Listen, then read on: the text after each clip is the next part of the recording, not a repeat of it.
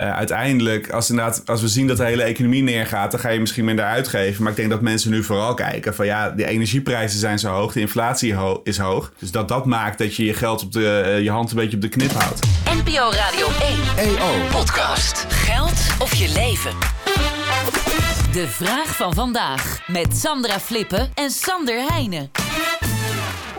Goedemorgen Sander en Sandra weer. Goedemorgen. Goedemorgen. We zijn weer klaar voor een nieuwe vraag. Die komt dit keer van Marielle. Uh, Marielle vraagt zich af hoe dat nou zit met het consumentenvertrouwen. Dat is iets gestegen, zegt zij, maar dat blijft heel laag. En ze vraagt zich eigenlijk af hoe dat gemeten wordt en wat dat nou zegt over de stand van de economie. Zijn jullie daarmee bezig met consumentenvertrouwen? Ja, consumentenvertrouwen is heel belangrijk. Uh, als je wil begrijpen, uh, als je probeert te voorspellen waar de economie naartoe gaat, is consumentenvertrouwen een belangrijke indicator. Omdat uh, ja, eigenlijk hoe minder vertrouwen een consument heeft in, uh, in zeg maar eigenlijk hoe, slecht, hoe negatiever die het antwoord geeft op de vraag: is het een goede tijd om uh, grote aankopen te doen? Of um, ik heb vertrouwen in, in mijn vermogen om, om te kunnen besteden, om genoeg geld te hebben om te kunnen besteden in de komende twaalf maanden. Of de afgelopen twaalf maanden. Um, dat zegt heel veel over waar het ook in een economie naartoe gaat. Hmm. Maar dat is vooral het grote plaatje. Sander, als individu ben je bezig elke dag met, zeg, hoe, even in je armen knijpen van... Hoe, in hoeverre vertrouw ik het allemaal nog? Nou, kijk, voor mijn dagelijkse boodschappen maak ik me daar natuurlijk niet heel erg druk over. Um, en voor grote uitgaven, ja, ik vind dat lastig om te zeggen. Want je kijkt toch, denk ik, als consument heel erg naar je eigen persoonlijke verwachting. Dus, dus verwacht je zelf dat je de komende 12 jaren, uh, 12 jaren, 12 maanden inkomen verliest of niet. Uh, uiteindelijk, als, inderdaad, als we zien dat de hele economie neergaat, dan ga je misschien minder uitgeven. Maar ik denk dat mensen nu vooral kijken van ja, de energieprijzen zijn zo hoog, de inflatie is hoog. Dus dat dat maakt dat je je geld op de, uh, je hand een beetje op de knip houdt. Nou moet ik wel zeggen, ik heb even, want ik vond het een leuke vraag wel. Ik heb even zitten kijken van hoe wordt het nou gemeten, want dat was ook de vraag. En uiteindelijk doet het uh, CBS, dat uh, het Centraal Bureau voor de Statistiek, die hebben een, een panel van ongeveer duizend mensen die ze daarvoor interviewen. En op basis daarvan wordt het getal vastgesteld. En daar word ik toch een beetje narrig van, want ik, ja, ik vind het een vrij ehm, ik vind het een vrij klein aantal eigenlijk om het op uh, af te stemmen. Nee, dat, ik snap dat je dat zegt, Sander. Maar het is wel zo dat die, uh, dat, dat panel is wel uh, heel erg gebalanceerd. Dat hebben ze heel lang over gedaan. Om dat, zeg maar, een, ja, tot een soort representatieve steekproef te maken van alle Nederlanders.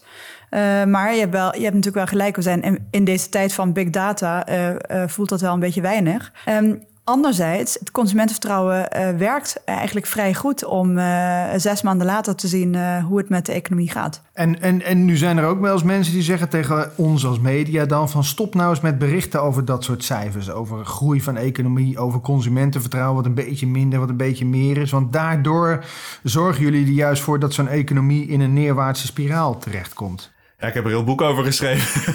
dus ik zou zeggen, het zou een beetje raar zijn als ik zou zeggen van niet. Nee, kijk, we maken, het, we maken veel van die losse cijfers te belangrijk. Je moet kijken naar het geheel van hoe staat je samenleving ervoor. En we hebben het volgens mij de afgelopen weken wel eens over de inflatie gehad. Mm-hmm. Ja, die inflatie die is niet voor iedereen gelijk. En die wordt nog lang niet door iedereen in die mate gevoeld waarin die wordt gecommuniceerd.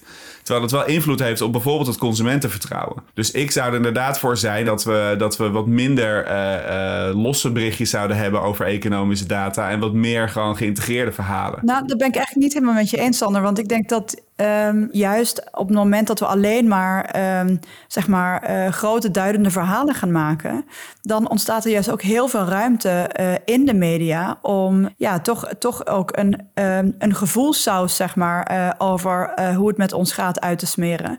En dat is niet per se gezegd dat dat dan feitelijker is dan die cijfertjes. Dus ik, ik weet niet, ik vind het wel een lastige afweging eerlijk gezegd. Ja, nou, daar ga ik dan eens uh, over nadenken. Ja, kijk, jullie doen, soms, jullie doen soms studies aan de hand van pintransacties, hè? Ja. En dat vind ik eigenlijk, eigenlijk dat soort, dat soort data vind ik eigenlijk veel interessanter om te bekijken. Hè? Want dan zie je gewoon real-time wat gebeurt er nou echt. Gevoelsmatig zijn dat, zijn dat gewoon betere steekproeven dan, dan, dan de cijfers die we nu steeds gebruiken en publiceren. En die dan van, van maand op maand een beetje verschuiven. Een paar puntjes erbij, een paar puntjes eraf. Nou, ik vind het heel leuk dat je onze transactiedata heel leuk vindt. Dat vinden we zelf natuurlijk ook. En het mooie is dat we bijvoorbeeld, uh, uh, toen we keken naar de energierekeningen die 1 miljoen huishoudens betalen, ja, dat je inderdaad echt 1 miljoen huishoudens in beeld hebt. En dat is natuurlijk meer dan een, dan een kleine steekproef. En dan kan je inderdaad uh, over de tijd zien hoe het daadwerkelijke euro's die mensen aan iets uitgeven, hoe dat verandert. Maar ik, ik hoor een oplossing. Volgens mij moet, moet die groep van duizend mensen voor zo'n consumentenvertrouwenscijfer gewoon veel groter worden. Ja, het probleem is alleen wel dat, dat kijk, als zo'n panel, dan ga je dus mensen vragen stellen uh, en ze opbellen of ze laten ze e-mails of enquêtes invullen. Ja. Uh, dat vinden mensen niet altijd even leuk. Nee, maar dat is meteen een van de problemen die je hebt met dit soort, dit soort data. Ik word ook af en toe benaderd door CBS om mee te doen onderzoeken. Ja, dat kost gewoon zoveel tijd. Dan denk ik, ja, hoe, ja. Hoe, hoe kan ik nou de tijd hiervoor vrijmaken? Dat, dat lukt me helemaal niet. En ik denk dat heel veel mensen een beetje in mijn levensfase dat hebben. En dat, dat, dat heeft gewoon impact op die uitkomsten van die cijfers. Goed, heb jij ook een vraag aan Sander of Sandra? Van allebei natuurlijk, dat kan ook. Uh, mail dan naar podcastradio1.eo.nl. Dit was hem voor vandaag. Morgen weer een nieuwe vraag. NPO Radio 1 EO Podcast.